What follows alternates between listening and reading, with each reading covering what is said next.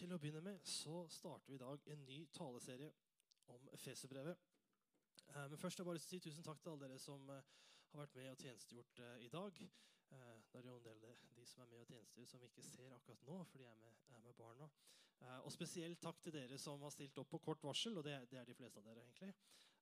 Som, som Helene sa, så har liksom Fam Gundersen ligget litt ned for telling med, med sykdom på rundgang de siste ukene.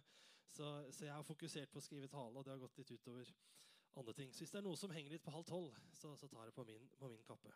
Men for en menighet som stiller opp for hverandre, tenker jeg. Også på kort varsel. Det er rett og slett nydelig. Og faktisk noe av det vi skal snakke om i dag. Um, vi skal ha tre samlinger hvor Efeserbrevet er tema. Um, og før jeg setter i gang, så har jeg bare lyst til å anbefale oppfordre og egentlig pushe litt på at alle leser Efeserbrevet over de neste seks ukene. Da er det seks kapitler i brevet, så det er ett kapittel i uka. Så i morgen, den uka som begynner i morgen, hvis dere begynner med å lese kapittel 1, og så tar det to, videre, dere skjønner det. Uh, og det tenker jeg at så lenge man husker på det, så er det overkommelig. Uh, det er en snau side i Bibelen uh, i uka. Eh, og jeg tror at hvis vi sammen som menighet er med og leser det brevet mens vi går gjennom det, så tror jeg det vil få liksom enda større feste i oss. All right. Um, dette, eh, sånn som vi har delt opp, så er det sånn at jeg skal ha første tale nå. Jeg skal gi litt, ja, Det står innledning og oversikt. Det var liksom eh, overskriften i, i, fagbøkene våre på, på teologistudiet. Da var liksom innledning og oversikt. Det var det første du måtte lese hvis du skulle si noe om en bok i Bibelen. Og så om to uker da er det fellesgudstjeneste med Hånes kirke, som Helene glemte å si i stad.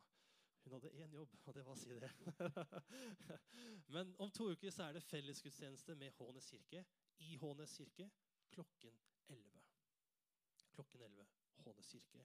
Vi blir med, alle sammen drar bort dit. Da skal Helene tale. Um, og da skal hun ta for seg kapittel 1-3 i Fesebrevet. Og så siste liksom, episode i serien så er det Espen Sødal som skal ha kapittel 4-6. Og Efeserbrevet er liksom naturlig delt inn på den måten. altså delt i to, kapittel 1-3, 4-6. Så jeg tror det er en god måte å dele inn på, sånn som vi har gjort det. All right. Efeserbrevet. Det er noen som har lest Efeserbrevet? Jeg tenker å ta opp hans opprekning på det. det er bare kleint. Men uh, Efeserbrevet er tradisjonelt regnet for å ha blitt skrevet av Paulus. Paulus, denne jøden som forfulgte kristne, så ble han kristen selv etter å ha møtt Jesus. Og så ble han etter mye om og men en apostel, som betyr utsendt eller utsending. Um, og dro på det som vi i dag kaller for misjonsreiser. Reiste rundt i det ganske land. Uh, fortalte mennesker om Jesus, underviste om kristen tro, startet masse kirker. Um, og han dro først og fremst til hedninger, altså mennesker som ikke var jøder. Som ikke på en måte hadde den kontinuiteten som han selv hadde med Jesus. Så han dro til folk som oss. Ja, eller ja, med forbehold om at det ikke er noen av dere som er, er jøder. Um, de siste årene, eller de siste par hundre årene så, så, har det vært en debatt om hvorvidt det faktisk var Paulus som skrev dette brevet. Um, blant annet så påpekes det at Efeserbrevet har en ganske annen stil i forhold til de brevene som Paulus har skrevet. Um, så Jeg prøvde å lese meg litt opp på det, men det virker som at det er gode argumenter på begge sider. Så for vår del, denne serien, så er det Paulus som har skrevet Efeserbrevet, og det står på trygg grunn hvis jeg sier det til noen. Okay? Så det er, det er trygt å si. Men Efeserbrevet skiller seg ut fra de andre brevene som Paulus skriver. Han skriver bl.a. Uh, Korinterbrevene, Rombrevet, Galaterbrevet osv. Um, og det er det at uh, Efeserbrevet har ingen konkret adressat. Og det er heller ingen konflikt som Paulus adresserer. I min bibel um, så begynner det med at han skriver liksom at jeg, jeg, jeg hilser uh, de som han skriver til. som han alltid gjør. Jeg er Paulus, jeg er apostel. Um, og så skriver, står det til de hellige i Efesos, og så står det sånne stjerner ved siden av i Efesos. Og Det er et tegn på at du burde sjekke fotnoten i Bibelen. Uh, og Der står det at uh, det er noe som mangler i de eldste manuskriptene vi har av Fesebrevet. Uh, så sannsynligvis så er da dette brevet ikke skrevet til liksom bestemt kirke eller et bestemt menneske eller en gruppe mennesker. Men det er mer tenkt som et slags rundskriv som kunne leses opp i mange menigheter i og rundt Efesos, som ligger i dagens liksom, Vest-Tyrkia. Um, og brevet er skrevet som en utlegning av Guds frelsesplan. Første halvdel er egentlig, er egentlig en oppsummering av evangeliet, kapittel 1-3. Oppsummering Hva er det egentlig Gud har gjort? Hva er det Gud har gjort med Jesus? Altså eller gjennom Jesus.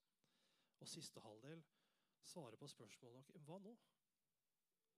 Han skriver da til, til hedninger, altså mennesker som sannsynligvis i voksen alder da, har blitt kristne, og sier sånn ok, Nå som dere har blitt kristne, da, hva, hva nå?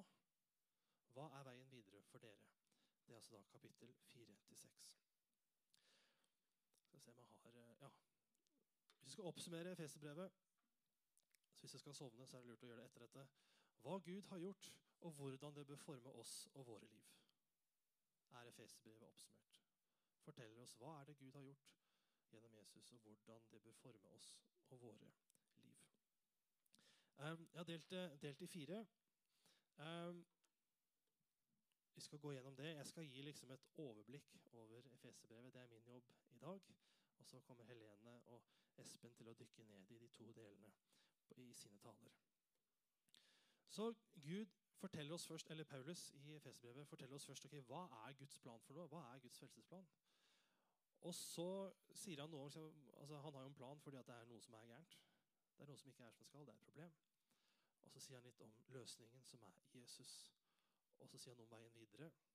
Og det siste der som står under streken, det står ikke i Efeserbrevet, men det er mine tanker om hvordan, hvordan det brevet, hvordan det Paulus skriver, um, utfordrer oss, Hånes misjonskirke, i dag. All right. Plan, problemet, Jesus og veien videre. Planen. Um, Efeserbrevet starter med en kort hilsen, som alle brevene til Paulus uh, gjør. Og så skriver Paulus et dikt Uh, jeg er ingen diktkjenner. Diktanalyse det var liksom skrekken i norsktimene på, på videregående.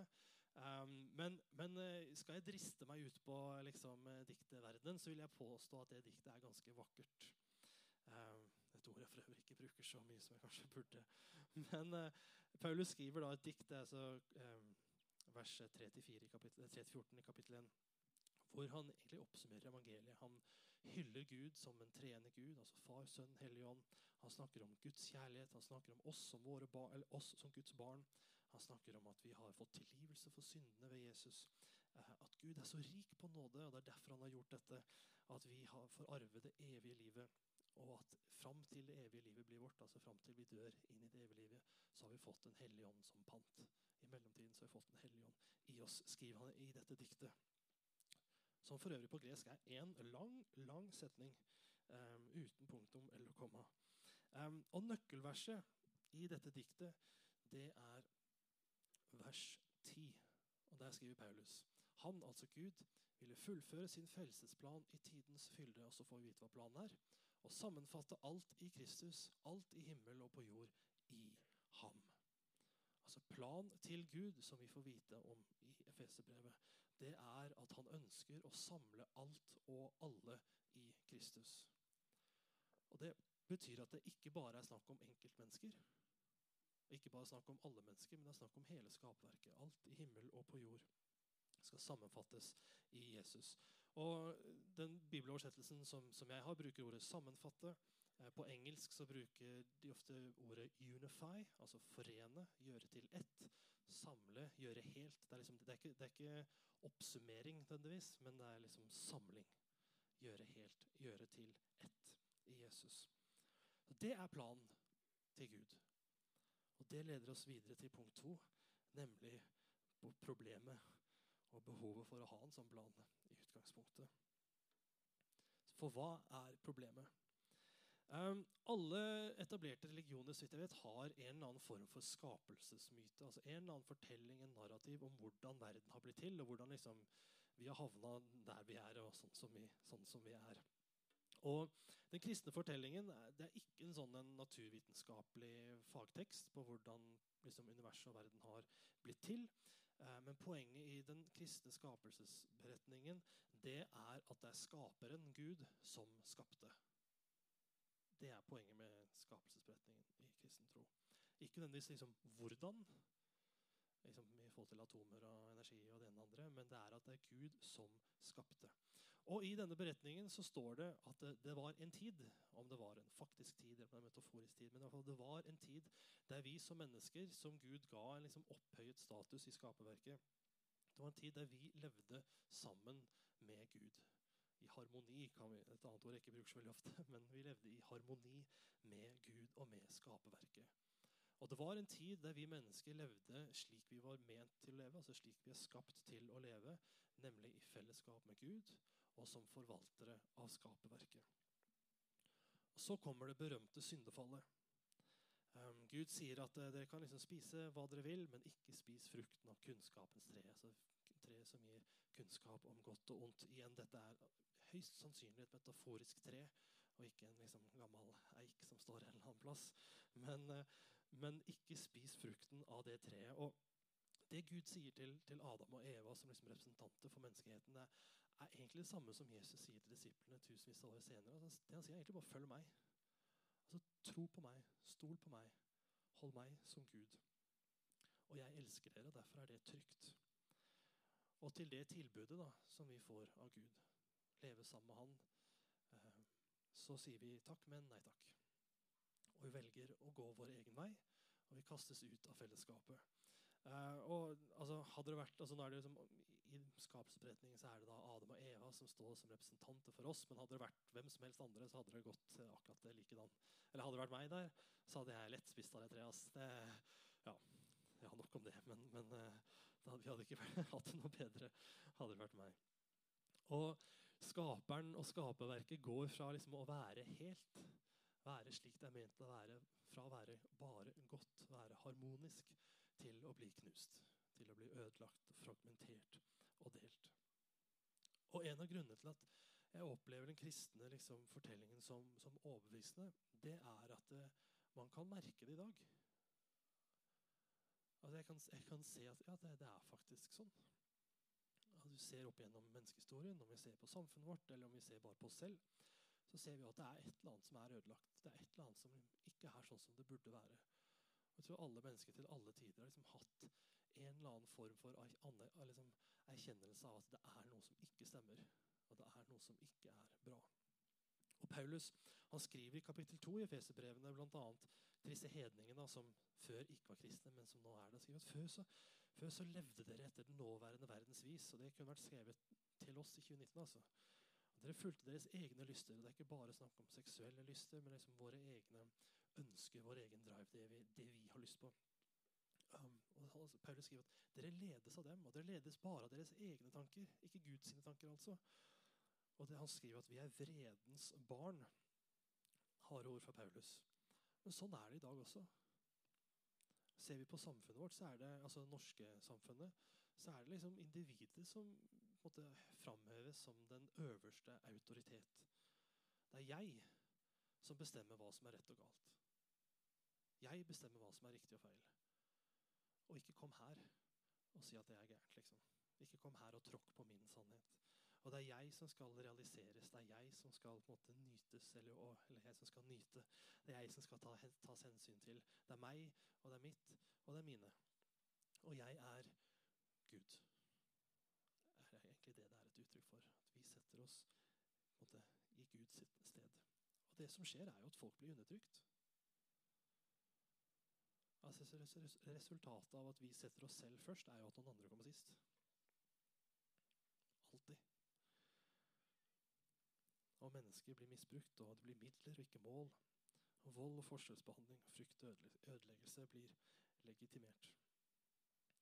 Og jeg, jeg, har ikke lest all menneskelig historie, altså, men jeg har enda ikke hørt et uh, pip om at det var en gang i menneskets historie der vi klarte liksom å heve oss over dette. At det var en gang der liksom vi som mennesker klarte å ta oss sammen, skjerpe oss eller finne på noen geniale måter å styre på eller lede på. eller være på, at liksom Vi klarte å heve oss over alt dette ødelagte og knuste og delte. Og så er det to ting hvor dere må misforstå meg rett på. Elendig uttrykk, egentlig. Men to ting. For det første, det finnes også godt. Også her i Norge. Eh, dessverre så er det ikke bare det som fins. Og, og, for det andre, jeg er ikke en sånn pen og prektig eller jeg er kanskje pen, men jeg er i hvert fall ikke prektig pastor som, som, som liksom står her liksom, i min flotte kirke og peker ut på liksom, det ondskapsfulle norske samfunnet og bare 'Å nei, så forderva og elendig de er alle de der ute', liksom. Uh, det er ikke sånn det er i det hele. Fordervelsen er her inne også. Jeg kjenner meg definitivt igjen i dette selv. Um, for to uker siden gikk jeg som bøssebærer for, for TV-aksjonen. Og, og, liksom det, det, var kaldt og surt. Etter hvert hadde gått en times tid eller noe sånt. Så skal jeg gidde å gå de der siste husa? Liksom. Jeg gidder å gå de siste husene på Roden. Uh, inntil, altså Pengene fra TV-aksjonen gikk til CARE. og Det er en, en uh, organisasjon som jobber for kvinners rettigheter, kvinners oppreisning, kvinners økonomiske selvstendighet. Og jeg var kald på nesetippen, liksom. Hva i huleste er det? Hva er det for noe? Sant? Uh, det er ikke sikkert noen har åpna, men det betyr jo ingenting. Altså, det er noe som ikke er sånn som det burde være. Og Paulus han stiller diagnose på dette her i Efeserbrevet. Og den er ganske drøy. Han sier dere var en gang døde pga. misgjerningene og syndene deres. Vi er døde, eller ja, skriver fortid, for nå er de kristne og har fått nytt liv i Jesus, heldigvis. Men misgjerninger, han skiller på misgjerninger og synder. altså Misgjerninger det er det vi gjør som er galt. altså jeg vet det er galt å lyve, men jeg lyver. sant? Jeg vet det er galt å baksnakke, men jeg gjør det likevel. Eh, og synd det er det at vi, liksom, vi mislykkes i å være de vi er ment til å være. Som er det å leve i fellesskap med Herren fullt og helt. Og det å være forvaltere av skapverket. Og Paulus sier dette det fører til død. Det er ikke sånn at nei, det er uheldig, eller det er, det er litt kjipt, eller kanskje liksom, det skader noen en eller annen gang. Men sier det fører til død. Din egen og i verste fall også andres. Og det leder oss til del tre. Dette er problemet. Så kommer løsningen. Det er Jesus. Jeg har opprinnelig skrevet korset. Um, korset er liksom det fremste kristne symbolet vi har. Men, men um, kan av og til uh, ikke misforstås, men favner ikke alltid hele, helhet, hele helheten i, i, Jesus. For det er snakk om Jesu liv, død, oppstandelse. Så når jeg sier Jesus, så mener jeg hans liv, hans død, hans oppstandelse. Liksom hele, hele pakken. Um, og Jesus han er det mennesket vi er skapt til å være. Altså Når vi ser på Jesus sitt liv, da, når vi ser på hans uh, nestekjærlighet, hans uh, omsorg for de syke, for de fattige, for de nedbrutte, for de utstøtte, for synderne, det er sånn vi er ment til å være. Når vi ser hans tjenersinn, hans omsorg, når vi ser hans relasjon til Gud, så er det sånn vi er ment til å være, egentlig. Og det vi da dessverre ikke får til. Og hans nestekjærlighet, som i hans tilfelle ender med at han gir sitt liv for andre, det er sånn vi også er ment til å leve. Og det fantastiske med Jesus, det Gud gjør gjennom Jesus, det er at når våre liv en gang skal veies og måles, og våre liv som da egentlig skal føre til død, så blir ved tro hans liv vårt liv. Så når vi måles og veies, så er det Jesus sitt liv som måtte settes på vektskåla. Og hans død den blir istedenfor vår død. Og hans oppstandelse blir en dag det livet vi, evige livet vi får. Og Paulus det er ikke deres eget verk, men det er Guds gave. Det er ingenting du har gjort deg fortjent til. Det er ingenting du har fått til. Det er ingenting du liksom har ervervet deg gjennom lang og tro tjeneste som flink og godt menneske. Men det er utelukkende en gave ifra Gud. Og når vi kommer til Jesus, og når vi, og når vi sier 'Jeg tror, jeg vil følge deg, du er min Herre', så er vi alle sammen like. Når vi kommer til korset, så er det ingen forskjell. Og alle de måtene vi gjør forskjell på hverandre nå altså Vi løfter jo noen opp, og vi trykker noen ned, og vi inkluderer noen og omfavner noen. Og så må vi være ærlige og si at vi støter også noen andre ut. Vi prioriterer noen mennesker, gjør godt mot de, og så er det ganske mange mennesker vi overser. F.eks. disse kvinnene som Care jobber for. Og alle disse forskjellene som er menneskeskapte, de viskes ut ved Jesus. Og Paulus skriver i et av sine andre brev at, at uh, i Jesus er, finnes det ikke jøde eller greker.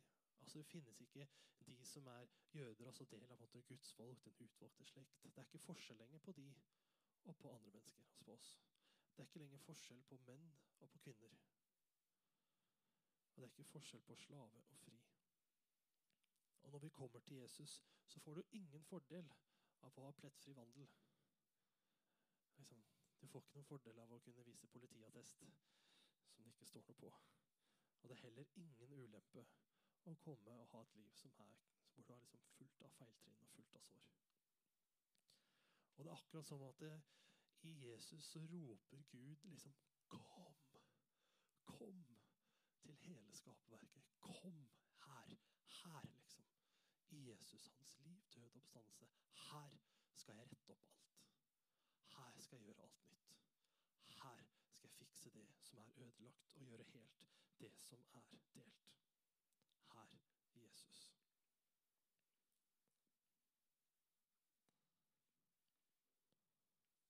Så hva nå? Veien videre. Siste halvdel av Efeserbrevet det handler altså om kirken, egentlig. Um, og Vi har snakket litt om kirken tidligere i høst, så det passer jo veldig veldig fint. Um, og Kirken er svaret på spørsmålet 'hva nå?' Og bare for å understreke igjen, altså Kirken det er ikke liksom en institusjon eller en organisasjon eller liksom uh, et kirkesamfunn, men en kirke det er et fellesskap av mennesker som tror på Jesus. Og den kristne kirken, den, liksom den store, det er fellesskapet av alle til alle tider som har trodd på Jesus, er med i den store kirken. Og så har vi ulike liksom, lokale uttrykk. Man har Hånes misjonskirke som en del av kirken, og vi har Hånes frikirke og Hånes kirke som en del av frikirken. Og, uh, nå husker jeg ikke hva den het for noe, men den som ligger på Håneskrysset der. Så sånn er det et uttrykk for den store kirken, et uttrykk for fellesskapet, familien av alle som tror.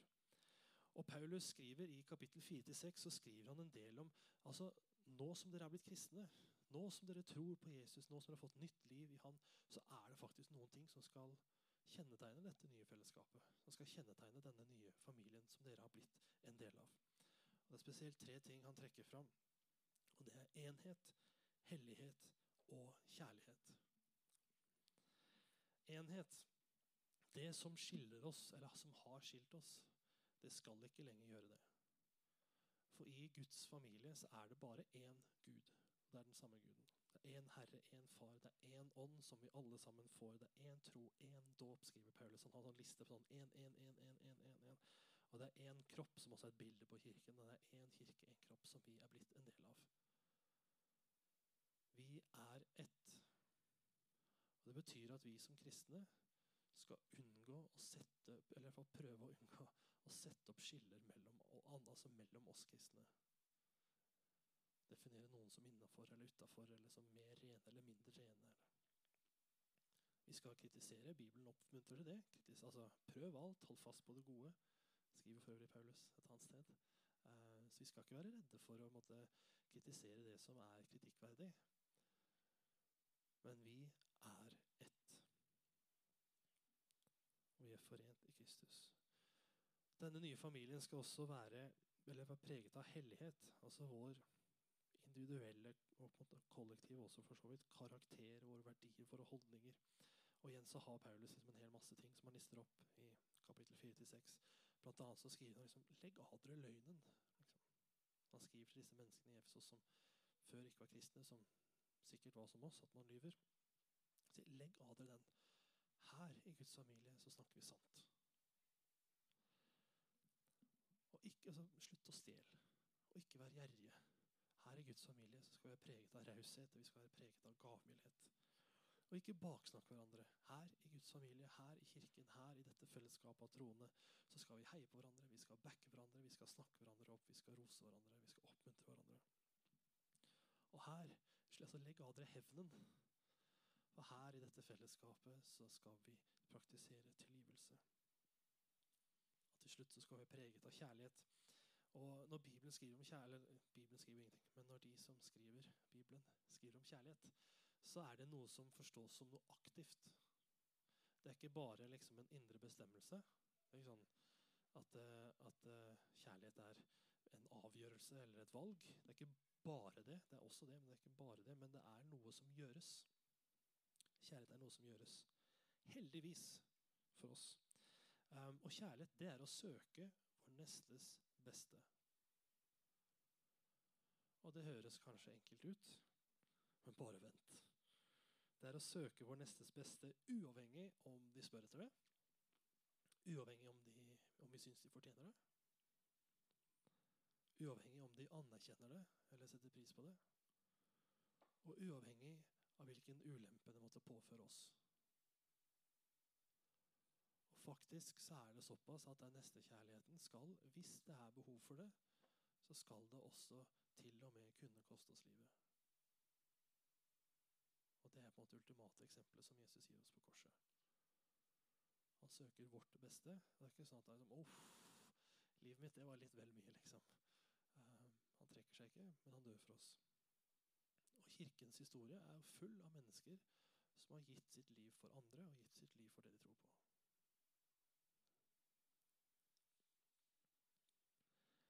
Og dette fellesskapet Jeg hørte en, en tale av en, en, teolog som heter Tim Mackey, som jeg har hatt stor glede av å følge en, noen år nå.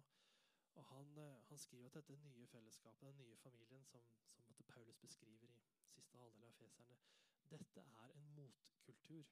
Han er amerikaner og snakker inn i en amerikansk kontekst. Vi skal ikke liksom ta, overføre alt sånn ukritisk. Men, men, eh, men han sier at, det, at, vi skal være en motkultur ikke bare til det samfunnet vi lever i nå, altså Grimstad eller Kristiansand eh, liksom i 2019.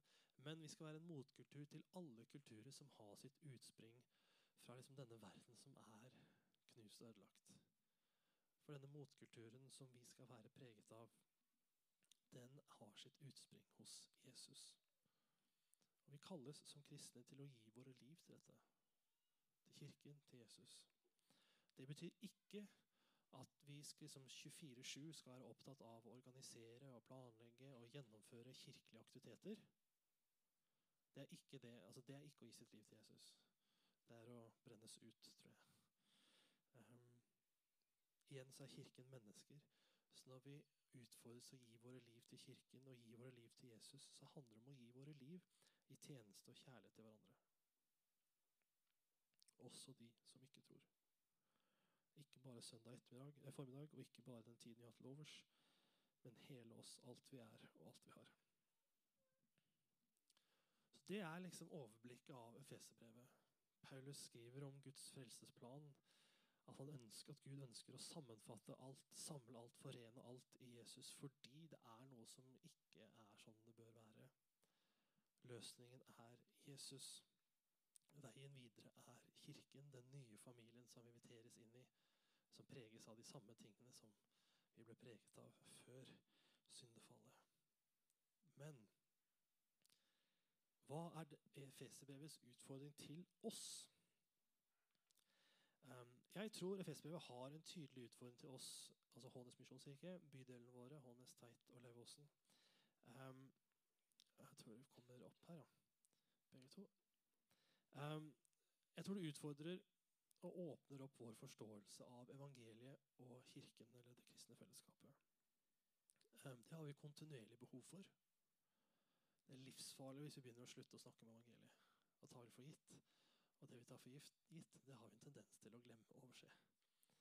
Så vi har et kontinuerlig behov for å liksom hele tiden minne oss på, utfordre oss, åpne opp evangeliet. Hva er det Gud har gjort for oss? Jeg har en mentor som heter Geir Johannessen, som er pastor i søsken, eller søsterkirka vår i, byen, i Salem. Og Han sier at evangeliet er ikke kirkens ABC, men det er kirkens A til Å. At det er det det handler om. Det er ikke bare innledningen, liksom. det er ikke bare starten, men det er hele, hele greia.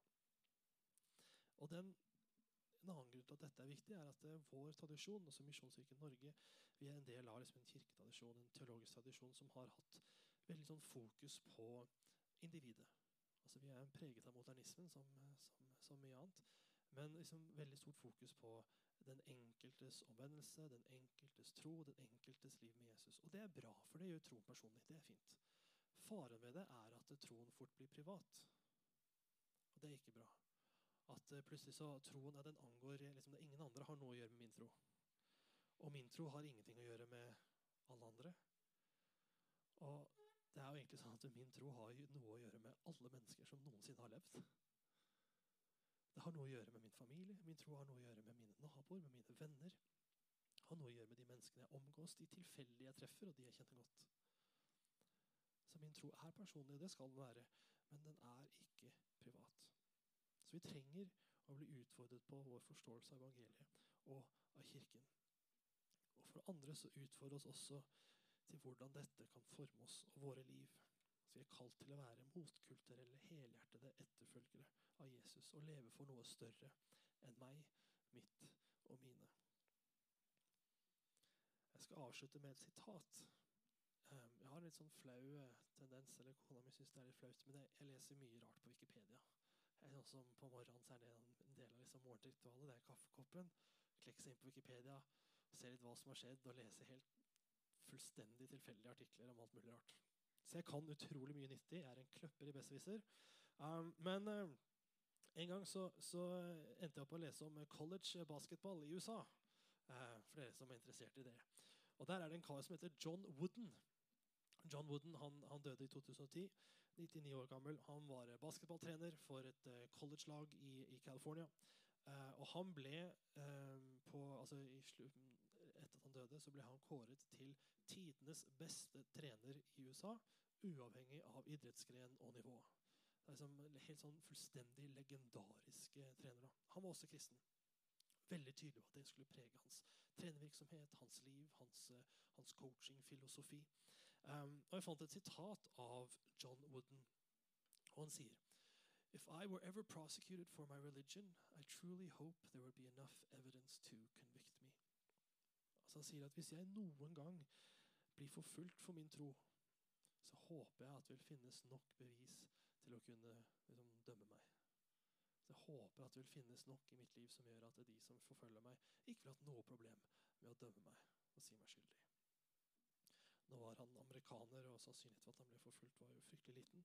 Men jeg syns allikevel at det er en utrolig fin innstilling å ha til, til livet vårt som, som, kristne. Og så må jeg understreke hver gang jeg sier noe Jeg føler jeg gjør det hver gang jeg sier noe om hva vi skal gjøre. Så må jeg understreke dette. Dette er ikke, alt jeg har sagt nå, det er ikke noe vi må gjøre for å bli elsket for å bli akseptert av Gud. Det er ikke noe vi må gjøre for å bli frelst. Ok? Dette er ikke sånn at eh, vi må først gjøre dette, og så vil Gud vurdere oss. Men det er fordi vi tror på Jesus, fordi vi allerede er frelst. Ikke av oss selv, men Guds gave. Det er derfor vi utfordres til å la våre liv formes av Han. Jeg skal avslutte med en bønn. Og så har jeg spurt Trond om å spille noe vakkert på pianoet. Så det skal han gjøre, for han er superflink. Um, og så skal vi ikke synge, som vi pleier å gjøre, men vi skal, vi skal bare bruke litt tid på å sitte stille der vi er. Um, be litt, reflektere litt over det som jeg har sagt.